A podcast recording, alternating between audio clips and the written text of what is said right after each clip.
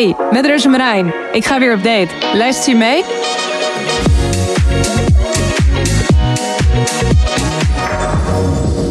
Hallo iedereen en leuk dat je weer luistert naar een nieuwe aflevering van Date Podcast.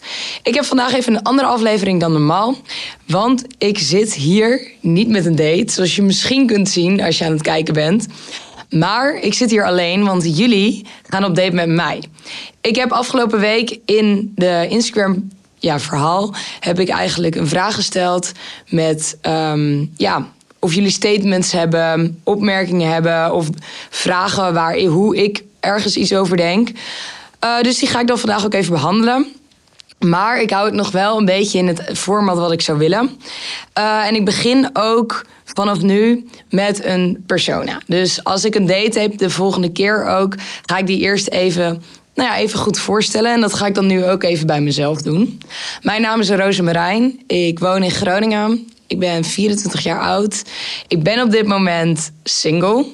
Al drie jaar ongeveer, denk ik, om en nabij.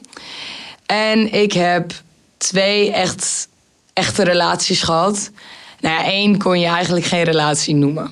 Want dat was ik zit even na te denken. Dat is denk ik nu twee jaar geleden. En ik heb in totaal, het is echt heel beschamend eigenlijk. Maar uh, ik denk drie of vier dagen een relatie gehad voordat het, um, dat we eigenlijk hadden gezegd van, oh, hier moeten we mee stoppen. En dit kwam, uh, nee, we hadden wel al een tijdje gedate. En toen voelde eigenlijk alles helemaal goed en was het helemaal leuk. Maar op een gegeven moment toen, nou ja, toen had hij dus gevraagd of ik zijn vriendin wilde zijn. Nou, ik was hartstikke blij en ik vond hem ook superleuk. Alleen toen benauwde mij ineens van alles. En uh, ik merkte eigenlijk dat ik ineens dacht van ja, maar ik weet niet hoe zijn moeder heet. Ik weet niet, ik, zeg maar, ik ben eigenlijk nog niet heel erg in zijn leven om echt een relatie met iemand te kunnen beginnen. Dus toch maar gezegd tegen hem van ja, ik heb toch een beetje met twijfels. En ik merk dat wij eigenlijk allebei een beetje denken van ja, uh, misschien zijn we iets te, ja, iets te snel van start gegaan. Dus ik denk ook dat dat het wel was. En uh, hij was ook een stuk ouder dan ik. Uh, want hij was volgens mij negen jaar ouder, of acht jaar.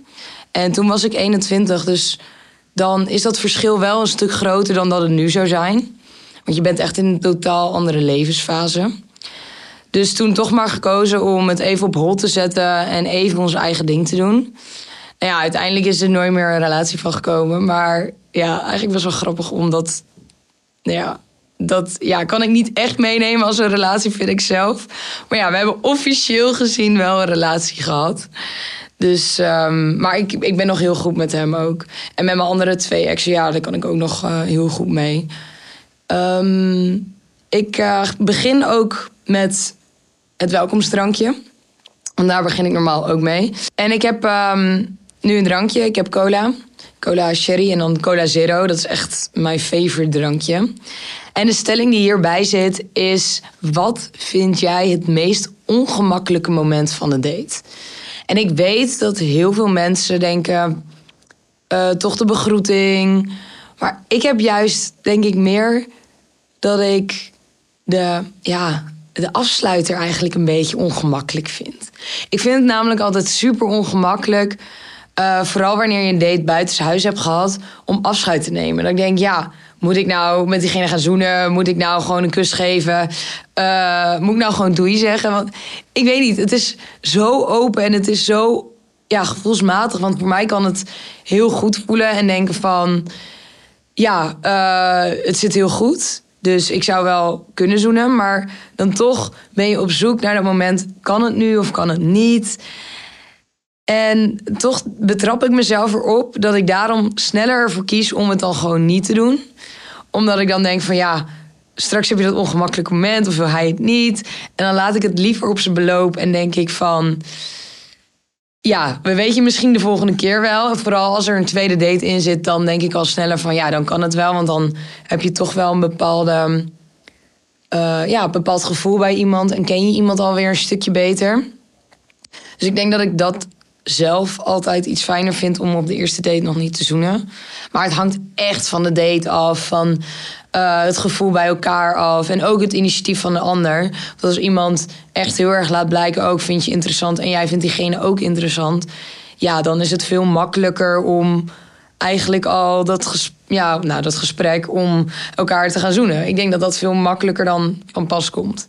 En ik vind dat ook wel heel erg belangrijk of iemand goed kan zoenen of niet.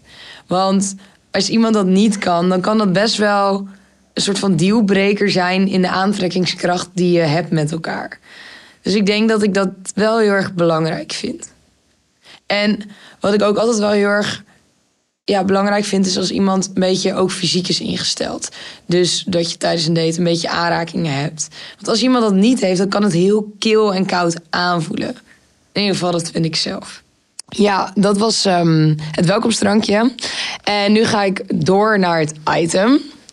En wat heb ik meegenomen? Nou, je ziet het misschien naast mij staan als je via YouTube kijkt. Um, ik heb namelijk een lege stoel meegenomen. En dat staat bij mij ook wel een beetje symbool voor ghosten. Want ik heb, ja, ik ga gewoon bij het begin beginnen. Ik heb met een jongen gedate en dat was um, in januari, geloof ik. En nou, we hebben echt wel een uh, flink aantal dates gehad. Het ging best wel een beetje de serieuze kant op. En um, ja, nou ja, ik was daar al vaker geweest. En toen op een gegeven moment ben ik naar hem toe geweest. Toen zijn we samen op stap geweest. Nou, dat was hartstikke gezellig. Helemaal leuk. En, um, oh, ik ga dit echt vertellen. Ja, ik ga dit echt vertellen. Toen kwamen we bij zijn huis aan. En uh, eigenlijk was het een hele gezellige avond. We hadden wat drankjes gehad. En ik geloof dat hij ook wel wat drugs had gehad. Nou, dat vind ik helemaal prima. Dat maakt mij niet zoveel uit. Als iemand maar niet te vaak doet. Kijk, als je een keer zo'n avondje stappen hebt, ja, waarom niet? Ik vind dat altijd wel, uh, ja, ik weet niet. Ik zou dat nooit aan iemand verbieden. Maar ik zou het wel een afknapper vinden als iemand het te veel doet, denk ik. Maar in ieder geval, um, we waren op stap geweest in Amsterdam. En we kwamen thuis en ik had nog een theetje. We zijn nog Harry Potter gaan kijken. Ja, weet niet waarom. Ik heb nog steeds niet uh, Harry Potter van A tot Z in chronologische volgorde bekeken. Wel bijna, maar volgens mij moet ik nog twee of drie films op de goede volgorde kijken. Ik vind het wel echt heel erg leuk. Maar we waren Harry Potter nog even aan het kijken. En toen zouden we gaan slapen. Nou ja, weet je, als je op een gegeven moment een beetje dat intieme contact hebt met elkaar. Nou, dat gebeurde ook. We waren een beetje aan het zoenen. En toen ging hij down onder bij mij. En op een gegeven moment, nou ja, had ik het idee dat het niet helemaal goed ging. En ging zeg maar een soort van half door, maar ook weer niet. En uh, hij lag onder de dekens, dus het was best wel warm. Dus ik had die dekens eraf gehaald. En ik zag gewoon in zijn blik dat hij er niet meer was. Zeg maar, hij had zijn ogen nog wel open, maar er was gewoon een blik. En ik praatte tegen hem, maar ik kreeg gewoon... Ja, er gebeurde gewoon niks. Dus uh, ik heb hem, zeg maar, op het bed neergelegd... en uh, hem rustig proberen te krijgen. Dus op een gegeven moment was hij ook best wel rustig. Ja, toen hij rustig was, toen viel hij gewoon gelijk weg. Toen viel hij in slaap. Dus ik dacht al van, oké, dit is best wel gek. Dus ik probeerde hem wakker te krijgen. Ja, dat lukte gewoon niet. Gewoon echt niet. En op een gegeven moment stopte hij ook met ademen. En ik dacht echt, oké, wat moet ik doen? Dus um, ik ben uiteindelijk de ambulance gaan bellen. Omdat ik echt even dacht van, ja, ik weet niet wat ik moet doen. Ik had hem in een stabiele zeiling gelegd. En um, nou, hij ademde gewoon niet. En toen belde ik. En op het moment dat ik belde, toen begon hij weer een soort van met ademhappen. Dus ik dacht, oké, uh, nou ja, de nood is minder hoog, want hij ademt nog wel. En zijn hartslag en zo was ook allemaal goed. Dus dat was top. Nou ja, top. Het was nog steeds doodeng. Dus ik had de ambulance laten komen. En uh, die waren er. Alleen, en nu komt een beetje het ongemakkelijke deel. Want ja, je hebt net je bent intiem geweest met elkaar, dus uh, ik moest kleding aandoen. Maar hij lag daar en ik kon mijn onderbroek gewoon niet vinden. En ik had een broek aangedaan en een onderbroek van hem aangedaan. En ik ben die ambulancebroers gaan ophalen van beneden. En nou, ik zat de hele tijd van, ja, waar is dat ding nou? En uh, nou het was ook geen prioriteit, want je bent gewoon bezig om nou ja, een soort van iemands leven te redden. Maar hij ademde wel weer normaal, dus dat voelde ik hoefde al niet meer heel erg in stress te zijn. En die ambulance waren daar en die gingen alles checken en alles was goed. Maar ze kregen hem ook niet wakker. En um, ik weet nog dat ik op een gegeven moment op de grond zat en een beetje met hun aan het praten was. Van, dat hun me ook een beetje geruststelden van nou, het komt allemaal goed. Hij moet gewoon zijn roes uitslapen. En ik kijk naar mijn voet en ik zie, ik zie gewoon dat er een stukje van mijn onderbroek uit mijn broek pelt. Want ik had een, uh, ik had een joggersbroek aan of zo. En ik denk, kut. Ik ben gewoon naar beneden gelopen met die onderbroek, zeg maar, soort van half uit mijn broek hangend. En ik zag het pas echt op het moment dat die ambulance mensen dat ik rustig met hun aan het praten was. Dus ik dacht, ik was echt heel sneaky die zo weg aan het halen. Nou op een gegeven moment om. Um, nog even door te gaan op het verhaal. Hun hadden alles gecheckt, het was allemaal goed. Uh, hij moest zijn roes uitslapen en dat heeft hij uiteindelijk gedaan. Um, en de volgende ochtend kwamen we erachter dat hij uh, in plaats van Advil, want hij had zijn elleboog gebroken, had hij per ongeluk twee pan genomen. Nou ja, en als je net van tevoren, volgens mij had hij ook wat cocaïne gehad, uh, nou ja, dat gebruikt hebt en dan pan gaat je hartslag echt van hoog naar heel laag. Dus waarschijnlijk een soort van, ja, ik weet niet of je een epileptische aanval kan noemen, ik denk het niet. Maar het is een aanval wat hij heeft gehad en daarna ineens super rustig was. En ik denk dat het daarom gewoon gekomen is dat hij echt in slaap viel en niet meer wakker werd. En uiteindelijk was alles goed gekomen, dus daar ben ik heel blij mee. Maar, en nu komt het, dan heb je dit allemaal met elkaar meegemaakt. En nou, ik denk nog geen week of twee weken later heb ik niks meer van hem gehoord. Gewoon letterlijk niks meer. Gewoon ik had hem geappt, ik had hem gebeld, werd niet opgenomen. En ik dacht, nou weet je, ik ga ook niet achter iemands broek aan. Um, en toen op een gegeven moment ben ik samen met een vriendin, want een vriendin die woonde bij hem in het appartement, ben ik gaan aanbellen.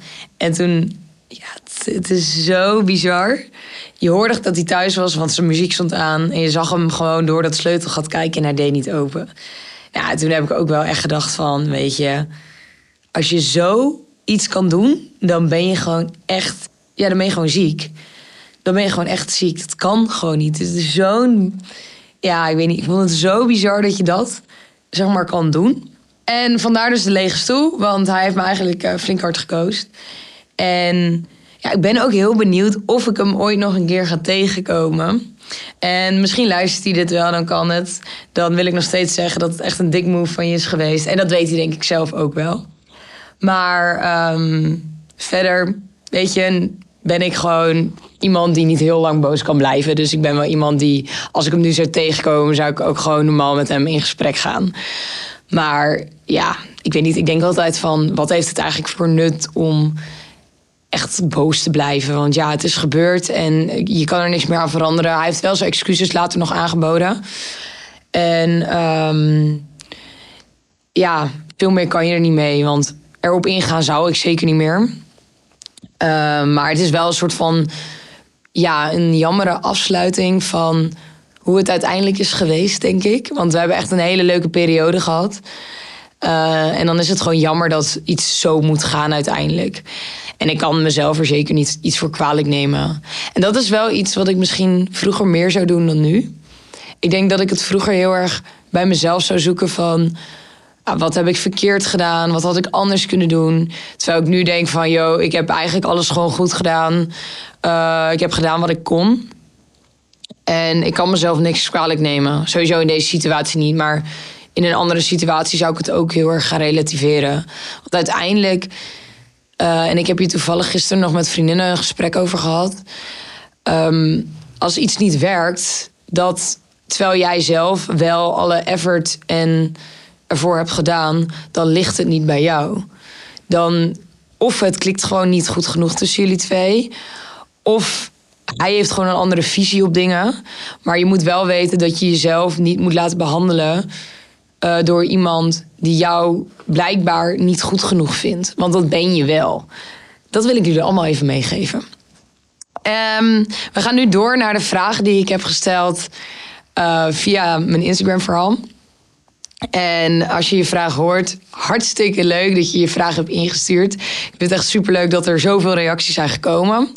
En voor de volgende keer, als je vragen hebt die we willen bespreken, of als je mensen hebt waarvan je zegt van, oh, die zou ik heel graag in je podcast willen zien, dan kan dat dus. Laat gewoon even wat weten. Ik vind het superleuk, die interactie met jullie.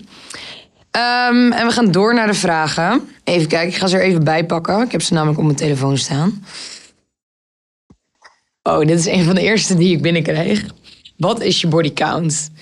Nou ja, ik ben wel iemand, ik ben daar best wel heel erg open in. Maar ik vind dat zo'n body count, uh, voor de mensen die niet weten wat een body count is, is met hoeveel mensen je seks hebt gehad. Ik vind, als je seks wil hebben, moet je dat gewoon lekker doen. Maar ik ben zelf niet een persoon die seks heeft om het seks te hebben. Want bij mij gaat het echt om de uh, klik die ik met iemand heb. En als iemand dat wel wil, is dat helemaal prima. Daar zou ik ook nooit wat van zeggen. En ik vind al helemaal niet dat er een verschil moet zijn tussen mannen en vrouwen. Dat het stoer moet zijn als man zijnde dat je veel seks hebt, vind ik echt belachelijk. Want ik vind het juist. Kijk, ik vind het fijn als iemand genoeg ervaring heeft. Maar ik zou het wel een afknapper ook bij jongens vinden. Uh, juist bij jongens vinden. Als iemand echt 200, 300 meiden heeft gehad. Ja, sorry. Dat vind ik zelf een afknapper. En ik vind het dus belachelijk als zulke jongens, vooral die zoveel hebben gehad, dat die dan het een afknapper vinden als meiden bijvoorbeeld 50 plus hebben. Dan denk ik, sorry, maar dan gaat er toch iets mis in je kopie. Ik vind gewoon dat je echt lekker zelf moet doen en laten wat je wil. Um, en lekker moet experimenteren, want daar, daardoor weet je ook van wat je wel of niet interessant vindt. En ik vind het altijd wel nice als vrouwen er gewoon open over zijn van, nou, ik heb zoveel, uh, met zoveel personen seks gehad en het boeit me niet wat anderen hiervan vinden. En ik vind ook dat het zo hoort te zijn. Um, ik heb de volgende vraag. Voel jij je wel eens onzeker tijdens het daten en wanneer voel je je onzeker of wanneer is dat dan? Ja, hmm. Vind ik een lastige. Ik denk dat iedereen zijn eigen onzekerheden wel heeft. Um, maar omdat ik vaak een date inga van ook ga iemand nieuws leren kennen. En ik zie wel waar het schip strandt. Denk ik dat ik niet heel snel onzeker zou zijn over wat ik zeg of wat ik doe. Um, maar ik denk wel dat als ik bijvoorbeeld op een tweede of een derde date ben, voelt het vaak al wel wat vertrouwder. Maar dan word ik juist onzekerder, omdat ik dan iemand waarschijnlijk al interessanter vind. En het moment dat ik iemand interessant begin te vinden, dat is toch wel het moment dat ik dan ineens onzeker kan worden over het feit van, oeh, hoe denkt hij hierover? Of um, zou hij deze outfit mooier vinden? Terwijl ik eigenlijk bij mezelf denk van, oh, ik moet gewoon heel erg bij mezelf blijven en dat is hartstikke belangrijk. Maar dat zijn dan wel ineens aspecten waar ik over na ga denken. Dus ik merk dat ik dan ineens toch een soort van onzeker word. En ik denk dat heel veel mensen dat ook wel kunnen bevestigen. Dat die periode dat je aan het daten bent en niet zo goed weet wat de ander nou precies wil of denkt. Of, want je kan natuurlijk niet in iemands hoofd kijken. Dat zijn de momenten dat ik zelf onzeker word. Um, Oké, ik heb een volgende vraag. Hoe maak jij vaak de eerste move? Oh, oh, oh, oh, oh. Um, ik denk dat als ik op een feestje ben, het vaak oogcontact is. Um, iemand een beetje aankijken en als iemand terugkijkt, dan wegkijken. Gewoon een beetje dat, dat, ja, dat spelletje opzoeken. Ik vind het altijd wel grappig om te doen, want het werkt vaak. En een eerste move, ja. In sommige dingen ben ik dan wel weer heel erg dat ik denk van het ouderwetse. En sommige dingen ben ik veel meer nieuw in. Maar met een eerste move maken ben ik toch, ja. Ik vind het altijd leuk als een jongen een eerste move maakt. Ik doe het zelf ook wel eens. Wel eens, minder vaak hoor. Maar als een eerste move, als ik een eerste move maak, dan is het ja, vaak toch wel via social media. Dat je dan ja, het is echt heel stom eigenlijk als ik het nu zo zeg. Maar dat je dan een foto gaat liken van... Hmm, kijken of diegene wat terug liked. Maar dat is meer de online kant. En als je het over hebt, als je al een date hebt... een eerste move... Hmm, ja, dat doe ik dan weer niet zo snel. Als iemand dan bijvoorbeeld, als je wil gaat zoenen of zo... dan... Ik ben wel iemand van het kijken. Ik hou wel echt van die oogcontact opzoeken. En meestal voel je dan vaak wel aan of iemand dan wat meer wil of niet. Ik denk dat ik het zo doe. Ja, ik denk dat ik het daarbij hou. Wat was je allerleukste date? Oh, dit is wel een hele grappige, want het is eigenlijk met een jongen geweest waar ik nooit echt verliefd op ben geweest of echt heel erg leuk heb gevonden. Die aantrekkingskracht was er niet. Maar die eerste date was zo leuk. En dat kwam misschien ook wel. Ik ben echt een muziekfanaat. En um, wij zijn toen als eerste date naar Burna Boy geweest. Nou, het concert van Burna Boy, dat is uh, volgens mij anderhalf jaar geleden, denk ik. En toen zijn we daarheen geweest en lopen dansen en helemaal alles meelopen zingen. En dat was zo ontzettend leuk. Ik heb daar zo van genoten dat ik dacht, ja, dit is gewoon de perfecte eerste date. Maar wel een, ja, reminder misschien voor mezelf. Is dat zo'n perfecte date kan superleuk zijn. Maar dat maakt de persoon met wie het is niet gelijk zeg maar, de ware. Dus je kan ook een, ja, wat is het, een Mackie date hebben op een parkeerplaats en denken van ja, dit is hem. Uh, zonder dat de date echt geweldig was. Maar gewoon die klik is er dan. Maar je kan ook de perfecte date hebben en denken van ja, dit was niet de man met wie ik zeg maar in een relatie wil zitten. Dus dat vond ik eigenlijk wel heel interessant om te ontdekken dat de, perfect, de, ja, de date zo perfect kan zijn maar dan misschien niet met een goede persoon is. Maar dat ontneemt niet dat het een hartstikke leuke avond was en ik echt ontzettend heb genoten. Uh, yo, wat is dit nou weer, jongens? Witte skinny of black bananas t-shirt? Allebei niet. Nee, nee, ik vind het heel lastig. Maar ik ben altijd best wel. En dat heb ik volgens mij wel eerder gezegd ik vind iemands kledingstijl best wel belangrijk. Maar aan de andere kant denk ik ook wel weer van. Je kan daar zelf natuurlijk ook wel een beetje aanpassingen in doen als je eenmaal een relatie hebt. Maar je moet wel de aantrekkingskracht hebben. En ja, ik heb gewoon een hekel aan skinny jeans met gaten en dan vooral witte. En dat is natuurlijk mijn eigen smaak en ik wil niemand hiermee beledigen. Maar ik, ik ja, ik hou er gewoon niet zo van. En daarom zou diegene waarschijnlijk niet bij mij passen. Maar hè, who knows, kom ik op een gegeven moment iemand tegen die dit draagt. En dat ik denk, ja, weet je, verder ben jij superleuk, goed kopie, uh, superleuk innerlijk. Maar je kleding is niet goed. Ja, ja, zou dat echt een dealbreaker voor me zijn? Dat vraag ik me dan af, hè. Dan denk ik van, aan de ene kant wel. Aan de andere kant weet ik wel dat ik heel makkelijk even kan zeggen, als iemand zelf bijvoorbeeld niet heel erg met kleding bezig is en het juist wel fijn vindt om daarin geholpen te worden, dan is het wel fijn om gewoon een beetje advies te geven en zeggen: Oh, ik zou dit en dit aandoen. Ja, ik denk dat ik wel iemand ben die dan ja, kan meebepalen over iemands kleding, omdat ik dat zelf gewoon super leuk vind om mee bezig te zijn. Dus dan vind ik het ook wel leuk om ja, die aanpassingen voor iemand te maken, denk ik. Aan de ene kant hoef je iemand, moet je niet iemand kunnen aanpassen, maar als je andere het juist wel fijn vindt om nou ja, een beetje advies erin te krijgen en, zeg, en het hem niet zoveel uitmaakt, ja, dan denk ik dat het een hele goede match is. Of als iemand er zelf al heel veel mee bezig is, dan kan dat ook superleuk zijn. Dus ik denk ja, dan komt, dat het meestal wel goed komt. Maar ik zou niet mijn nek omdraaien als ik iemand zie lopen met een witte skinny jeans aan, denk ik. Nee. Nee, helaas. Sorry jongens. Even kijken. Zoals, ja, ik heb ook wat vragen gekregen zoals... Ehm, hoe ziet je perfecte date eruit? Volgens mij heb ik dat al een keer benoemd. Dus dan ga ik even snel doorheen. En dat is, denk ik toch, Uh, nou ja, bijvoorbeeld zo'n concert, dat vind ik heel erg leuk. Maar ik kan het ook heel erg leuk vinden om met z'n tweeën zonsondergang te kijken. Ergens op een kleedje, een flesje wijn erbij. Ja, daar word ik helemaal gelukkig van. Maar ik kan een spelletjesavond ook super leuk vinden. Het is, ja, het is maar net de sfeer die je samen creëert. En ik ben wel een beetje zo'n persoon die van hele romantische dingen houdt.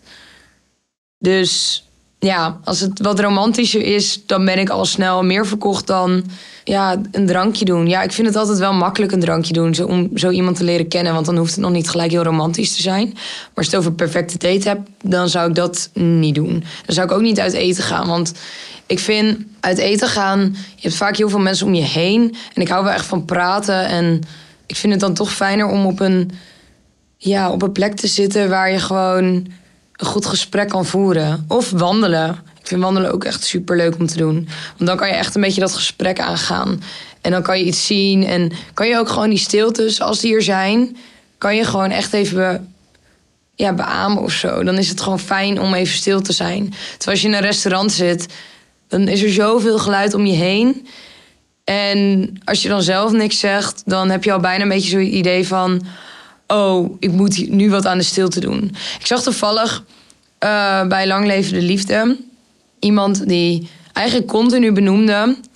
Oh ja, ik vind het heel erg dat het stil is. Uh, wil je alsjeblieft nog wat vragen? Weet je niks meer te vragen? En dan denk ik, dan ben je zo aan het hameren op de vragen, waardoor de andere persoon eigenlijk heel erg een druk voelt van. Um, ik moet wat vragen. Waardoor diegene eigenlijk heel erg in zichzelf gaat keren. Want ik denk dat ik dat ook wel heel erg zou kunnen hebben. Dan ga je helemaal in jezelf keren. Oh, wat moet ik vragen? Ik moet wel door blijven vragen. En dan heb je zo'n druk dat het gewoon niet vanzelf gaat. Dus dat raad ik echt niet aan. En benoem het dan ook gewoon niet. Benoem dan dat je het fijn vindt dat het even stil is. Of ja. Um, wat heb ik nog meer? Hoeveel relaties heb je gehad? Nou, dat heb ik aan het begin van de podcast al benoemd. Uh, ik heb twee echte relaties gehad van 2,5 jaar en 3,5 jaar. En deze twee relaties zijn ook allebei uitgegaan omdat uh, de jongen is vreemd gegaan. Ik ben zelf nog nooit vreemd gegaan. Dat was trouwens ook een vraag die ik kreeg. Ben je ooit vreemd gegaan? Nee. En ik denk ook niet dat ik het zou kunnen. Ik heb wel een keer namelijk op het punt gestaan dat ik het zou kunnen doen. En op dat moment was ik best wel dronken. Uh, was mijn desbetreffende vriend ook al uh, zelf de mist ingegaan. En het was een beetje zo in zo'n fase van ja, gaan we hiermee door of niet? Volgens mij was het toen niet eens echt aan. Maar ik weet nog dat ik echt het moment had. Dat was een hele leuke jongen. En ik voelde op zich die vibe wel met hem. En hij wilde het ook. En toen keek ik hem aan en ik zei: Sorry, dit ga ik niet doen. Want ik weet dat als ik dit nu doe, ik hier iemand mee ga kwetsen. En als ik iemand kwets, heb ik daar zelf heel veel last van. Zeg maar, ik vind als ik zelf gekwetst word, daar kan ik heel makkelijk overheen komen. Maar als ik zie dat iemand anders is gekwetst, daar heb ik veel meer moeite mee. Ik ben altijd heel erg dan bezig met het ja, oplossen voor iemand. En ik vind het zo moeilijk om mee om te gaan als iemand anders gekwetst is. Want ik wil het juiste doen, maar wat doe je dan? En wat zijn de juiste dingen en wat zijn de minder juiste dingen? Dat vind ik altijd heel erg lastig. Dus nee, toen besefte ik me wel op dat moment dat ik echt dacht van ja, ik kan het niet eens. Het, het zou mij denk ik ook nooit kunnen overkomen. En ik ben ook wel benieuwd hoe mensen daarover denken. Of het dan in je zit om vreemd te gaan of niet. Zeg maar, ben je een persoon die dat dan kan doen en er wel spijt van kan hebben? Ben je een persoon die het kan doen en op dat moment misschien wel spijt hebben, maar de volgende keer het weer doet? Of ben je een persoon die zeg maar al spijt heeft voordat je het doet en het gewoon niet kan. Nee, ik, ben, ik denk dat daar wel verschillen zijn in, in vreemd gaan en het gevoel erbij. En ik denk dat elke persoon daar misschien anders mee omgaat. En ik ben ook wel benieuwd uh, hoe diegene zich daarbij voelt. Ik denk dat dat wel een uh, interessant onderwerp is. Oh, ik kreeg trouwens ook nog best wel veel vragen over uh, Match bij Mam. Dat is namelijk een programma waar ik aan mee heb gedaan. Het is een reality-programma en um, het zat zo in elkaar. We gingen naar Portugal met, ik geloof, een stuk of twintig meiden. Ik durf niet eens te zeggen meer hoeveel het er waren, best wel veel. En we kregen van tevoren te horen dat er vier jongens zouden zijn. En dat het een beetje hetzelfde concept is als de Bachelor. Het lijkt er ook wel een beetje op. Je gaat eigenlijk op heel veel op date. Alleen de twist was dit keer dat de moeders van de jongens er ook waren. En die gingen eigenlijk alles bepalen voor de jongens. Dus de jongens hadden eigenlijk zelf helemaal geen inspraak. Ik kreeg eigenlijk best wel veel vragen erover van... Uh, vond je iemand ook echt leuk? Of um, had je eerder naar huis gewild? Uh, hoe vond je het? Hoe vond je het avontuur? Nou, ik merkte wel toen ik daar aankwam en de jongens zag... dat ik in eerste instantie dacht... oeh, dit zijn niet echt mijn types. Ja, toen ging ik door en toen leerde ze ik ze kennen. En toen dacht ik wel van, nou ja... Uh, er waren sowieso al twee jongens die bij mij heel erg uh, gelijk al afgevallen waren, omdat het gewoon niet mijn types zijn. En waarvan ik dacht van ja, dit is echt niks voor mij.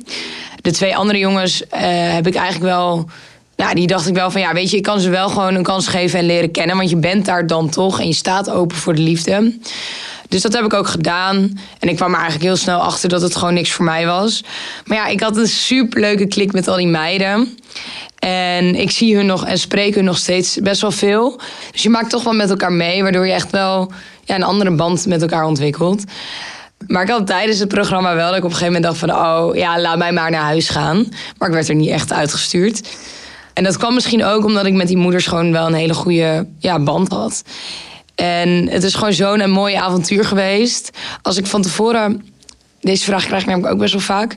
Als ik van tevoren had geweten dat die moeders meegingen had ik denk ik zelf niet meegedaan. Want dat wisten we dus oprecht niet. Maar achteraf ben ik hartstikke blij dat ik heb meegedaan. Want het was gewoon super leuk om te doen. Het enige wat ik wel, vooral nu ik weer aan het daten ben, wel merk is. Mensen kunnen, uh, voordat ze met mij op date gaan, eigenlijk al een heel beeld krijgen over wie ik ben. Omdat er best veel van mij op internet staat. En dat vind ik aan de ene kant heel erg leuk. Want als iemand dat doet, dan interesseert hij zich ook echt in mij. Aan de andere kant, tuurlijk ben je in het echt niet een één op één versie van wat je allemaal online gooit. Want wat je online gooit is maar een deel van je leven. En bijvoorbeeld zo'n podcast ook. Ja, ik vertel superveel en je hoort mijn stem. En ik ben ook wel iemand die zich heel makkelijk kwetsbaar kan opstellen en veel van zichzelf wil laten horen. Maar ik denk dat je niet de kant van me kent, hoe ik ben als ik gewoon lekker aan het ouwehoeren ben. Ik niet aansta. Uh, ik misschien chagrijnig kan zijn, want dat kan ik natuurlijk ook zijn. Dat zijn toch dingen die je niet uh, altijd van mij ziet. Omdat die dingen, ja, die film ik niet. Of die uh, neem ik niet op. Dus dat is wel ja, dat komt natuurlijk ook bij mij kijken, want ik ben natuurlijk ook gewoon een mens. Dus ik denk dat dat, ja, dat blijft altijd anders. En ik vind dat wel eens lastig dat ik denk, ja, maar je hebt nu veel van me gezien, maar dat betekent niet dat je me echt kent. Uh, even kijken, wat heb ik nog meer? Ja, we zijn er wel bijna doorheen. Um, ja, dit is uh, denk ik de allerlaatste vraag. Hoe belangrijk vind jij het om single te zijn? Belangrijk, ja. Ik vind het zeker zelf. Ik ga echt uit mijn eigen perspectief praten. Ik ben heel erg blij dat ik nu even een single periode heb. Of heb gehad. Want het heeft mij wel heel erg mezelf leren kennen. En ik denk dat iedereen dat wel meemaakt wanneer je uh, uit een break-up komt. Dat je dan echt even jezelf gaat tegenkomen. En ik denk ook dat het heel erg belangrijk is om een keer mee te maken. En ik zeg niet dat het dat je het moet meemaken. Want sommige mensen zijn vanaf hun vijftiende bij elkaar en dat is all good, all fine. En helemaal chill. En die halen hun levenslessen wel uit andere dingen. Maar ik ben wel heel erg blij dat ik nu een periode achter de rug heb. Dat ik gewoon echt even op mezelf ben en ook op mezelf woon. En ja, bij het besef kwam van: oké, ik heb een leuk leven en dat kan ik ook helemaal alleen. Daar heb ik geen partner voor nodig. En dat je gewoon heel erg content bent met jezelf. En dat is echt zo'n cliché-uitspraak. Maar dat je dan pas eigenlijk moet gaan ja, zoeken naar, of niet zoeken. Maar als je dan iemand tegenkomt waar het helemaal mee klikt, zit het gewoon goed. Ik vind het heel erg fijn dat je weet van jezelf, ik kan op mezelf leven en ik kan alles zelf en ik ben gelukkig met mezelf. En als er dan iemand komt, dan, dan zit het gewoon goed. De laatste vraag is ook altijd: uh, wie betaalt? Nou ja, ik ben nu in mijn eentje, dus ik betaal het lekker zelf. Ik wil jullie weer heel erg bedanken voor het luisteren naar de podcast of het kijken naar de podcast. Deel de podcast ook. Uh, stuur vragen in als je dat wil. Dat vind ik allemaal superleuk om te beantwoorden. En laat ook weten wie je nog in de podcast wil horen. En ik wil ook even de mensen bedanken die mij allemaal helpen. Ik heb namelijk voor het masteren van mijn podcast uh, Sam en hij doet dat supergoed en daar ben ik super blij mee. De technicus die er vandaag niet is, ben ik heel erg dankbaar voor, lieve Mandy. Het is natuurlijk ook een vriendin van mij. Wouter, die me altijd ondersteunt wanneer ik weer kleine issues heb en bijvoorbeeld de batterij het ineens begeeft of iets anders. Hij kon mij altijd helpen. Uh, daar ben ik heel erg dankbaar voor. En ik wil weer afsluiten. Dus heel erg bedankt en een fijne week weer. Doei doeg!